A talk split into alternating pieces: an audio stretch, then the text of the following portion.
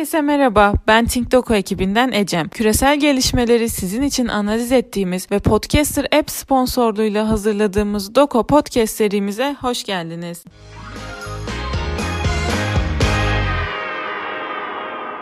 Kripto ekonomide Coinbase'in halka arzı kripto para rallisine sebep oldu. Kripto para ekonomisi büyük devinimlerden bir diğerini yaşıyor. Coinbase kripto para alım satım şirketinin geçtiğimiz günlerde halka arzı büyük bir ses getirmişe benziyor. Yalnızca çarşamba günü Coinbase'e yönelik ticari faaliyetler 30 milyar doları gördü. Bu önemli çünkü Coinbase'in yaşadığı hareketlilik Bitcoin ve Ethereum tarafında da gözlemlendi. İki büyük kripto para biriminin dışında Dogecoin'de rekor kırmaya devam et. Bazılarının spekülasyon olarak da nitelendirdiği yükselişler kripto para dünyasının aktörlerine yatırımcılarla birlikte ciddi miktarda para kazandırıyor. Coinbase'in CEO'su Brian Armstrong'un 2020 yılında 60 milyon dolar kazandığı biliniyor. 38 yaşındaki Armstrong Forbes dergisi tarafından 2021 başında 6,5 milyar dolar servetle kripto para zenginleri listesinde bir numaraya yerleşmişti. Bu durum risk yatırımcıları için de oldukça önemli bir tabloya işaret ediyor. Örneğin 2012 yılında Coinbase ise 300 bin dolarlık yatırım yapan Gary Tan'ın yatırımı şu anda 2.4 milyar dolara ulaşmış durumda. Ancak tüm bu gelişmelere rağmen Coinbase'in halka arzın ardından %14 düşüşle açılış fiyatının altına gerilediğini ve bu durum piyasalarda risk iştahını baskıladığını unutmamak gerekiyor. Bunlarla birlikte kripto para alım satım şirketlerinden başkalarının da halka arz süreçlerine girişi ve kripto para birimlerinin fiyatlarında dalgalanmalarla birlikte yeni fiyat keşiflerinin devam etmesi beklentiler arasında. Ve elbette düşen politik risk.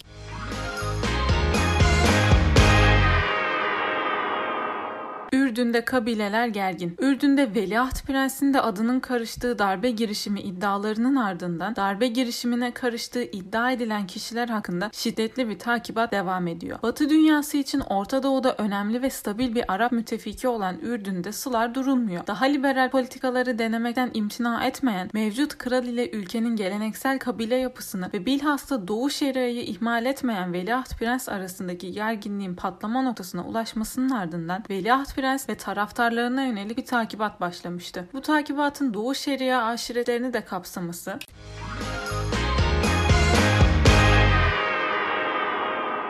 Tayvan, Japonya'nın Fukushima nükleer santralinden denize su boşaltma planına karşı olduğunu bildirdi. Asya'da müesses düzenin önemli müttefikleri konumunda bulunan ve ABD için Çin karşısında bir sınır boyu vazifesi gören Tayvan ve Çin'in çevreye dair meselelerde dahi olsa anlaşmazlık yaşaması Çin için karşısındaki ittifakı bozmak adına altın bir fırsat anlamına geliyor. Bu bağlamda ilgili problem büyük güç rekabetini Çin lehine oynatma ihtimalinde ihtiva ediyor. Bunlarla birlikte elbette beklentilerimiz var. Öncelikle Japon Japonya-Tayvan arasındaki anlaşmazlığın çözülmesi için ABD'nin ve uluslararası örgütlerin rol alması, anlaşmazlığı derinleştirmek adına Çin kaynaklı yoğun dezenformasyon faaliyetleri ve son olarak yükselecek bir politik risk.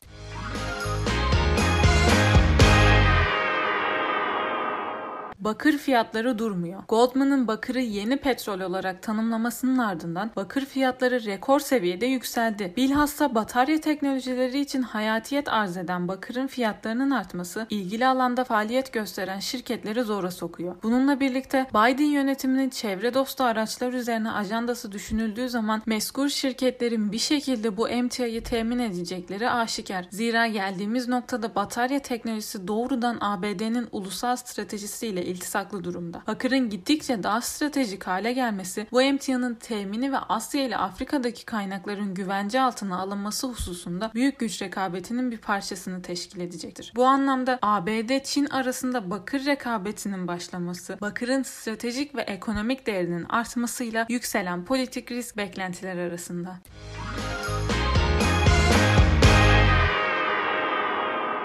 ABD ve Rusya ilişkisinde Rusya Amerika'nın siber saldırı suçlamalarını reddediyor. Perşembe günü ABD siber saldırı gerçekleştirdiği iddiasıyla 10 Rus diplomatı sınır dışı etti. Rusya Dış İstihbarat Servisi CVR ise aynı gün ABD'nin siber saldırı ile ilgili suçlamalarını reddederek aynı şekilde karşılık vereceğini duyurdu. Biden yönetimi siber saldırıların arkasında olmakla ve Amerika'da gerçekleşen seçimlere müdahale etmekle itham edilen Rusya için bu ithamları tekrar değerlendirme kararı kararı aldı. ABD ayrıca Rus istihbarat faaliyetleri hakkında dezenformasyon yaymada rol oynayan paravan şirketler ve istihbarat servislerini desteklediklerini öne sürdükleri Rus teknoloji şirketlerine kadar birçok ayrıntı yakaladı ve servis etti. Amaç Rusların faaliyetlerini engellemek olsa dahi geçmişe baktığımızda bu adımların Kremlin'i caydırma olasılığının olmadığını görmekteyiz. Yaptırım açıklamalarından sonra ise Rusya'dan gelen tepkiler beklendiği gibi. Rusya Dışişleri Bakanı bu yaptırımları çatışmanın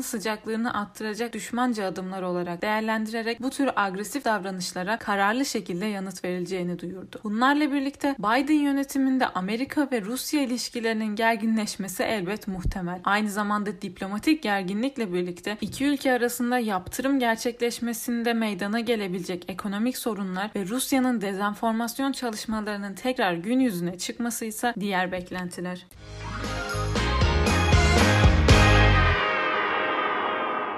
Covid-19 ve aşı gelişmelerinde Amerikalılar aşı olmaktan vazgeçiyor. Bloomberg News tarafından yapılan bir analize göre ABD'de bazı eyaletlerde belli bir kısım aşı olmaktan vazgeçiyor. Aşıya talebin azalmasıyla dozlar yığılmaya başladı. Totalde 14.1 milyon dozun kullanılmadığı belirtilmekte ve bu da toplam dozun %31'ine tekabül etmektedir. Bu önemli elbette. Öncelikle virüsün gerçekten kontrol altına alınması için ülke nüfusunun en az %75'inin korunması gerektiğini savunuyor savunan epidemiyologlar durumdan endişeli. Aynı zamanda şimdiye kadar aşılama nüfus dağılımına göre yapılırken federal yetkililer dağılımı nasıl yapacakları hakkında tekrardan düşünmeye başladı. Aşı girişiminin başında siyah Amerikalılar aşı konusunda tereddüt ve erişim konusunda endişeliyken yeni anketler beyazların daha fazla direniş sergilediğini gösteriyor. Bu gelişmelerle halkın aşı olmaktan vazgeçmesi ve yeni mutant virüslerin ortaya çıkmasıyla yeni dalgalar gelebilir. Aynı zamanda aşı üretiminin kısıtlı olması ve önemli bir bölümünün kullanılmaması diğer ülkelerin aşıya erişimini kısıtlar ve aşı sırasında öncelikler değişebilir ve elbette politik risk de yükselir.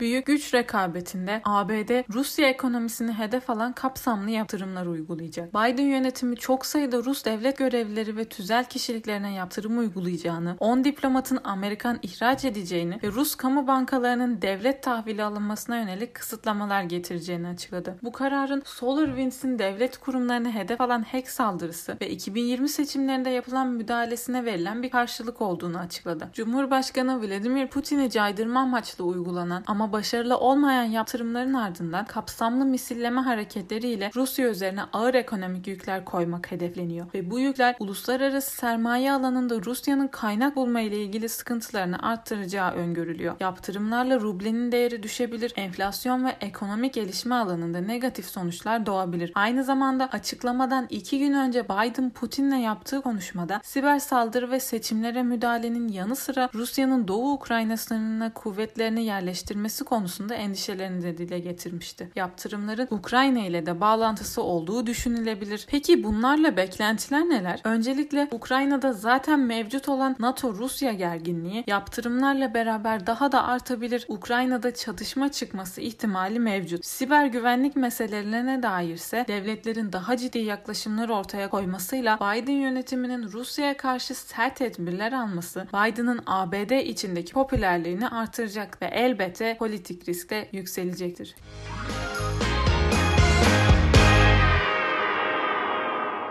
Son başlığımız siber güncesinden. İsrail istihbaratı İranlı ajanlar Instagram üzerinden İsrailleri tuzağa düşürüyor dedi. İsrail istihbarat servisleri Mossad ve Shin Bet yurt dışında yaşanan İsraillere yönelik uyarılarda bulun. İranlı ajanların sahte Instagram hesapları üzerinden İsrailleri hedef aldığı, tuzağa düşürdü ve hatta kaçırdığını söyledi. Söz konusu uyarıda istihbarat yetkilileri hedef alınan İsraillerin Körfez ve Arap ülkeleri, Avrupa ülkeleri ve Türkiye'de yaşadıklarını da belirtti. Bu önemli elbette. İran ile İsrail arasında bir süredir devam eden istihbarat savaşları kapsamında siber casusluk faaliyetleri de sürüyor. İranlılar son aylarda İsrail istihbaratı kaynaklı operasyonlardan sonra Tel Aviv hükümetinin yanında sıradan İsrailleri de hedef almaya başladı. Sosyal medya üzerinden yürütülen operasyonlarda İranlılar sahte hesaplar üzerinden İsrailleri tuzağa düşürerek Tel Aviv'den nasıl bir intikam almak istediği tartışma konusu. Fakat İranlıların özellikle son aylarda yıllarda karşı karşıya kaldığı istihbarat operasyonlarından sonra her alanda faaliyet yürüdü ve bu faaliyetlerin sadece Tel Aviv yönetimiyle sınırlı olmadığı biliniyor. İran fırsat bulduğu her ortamda İsraillere yönelik saldırı, tehdit ve şantaj gibi faaliyetlerini sürdürecektir.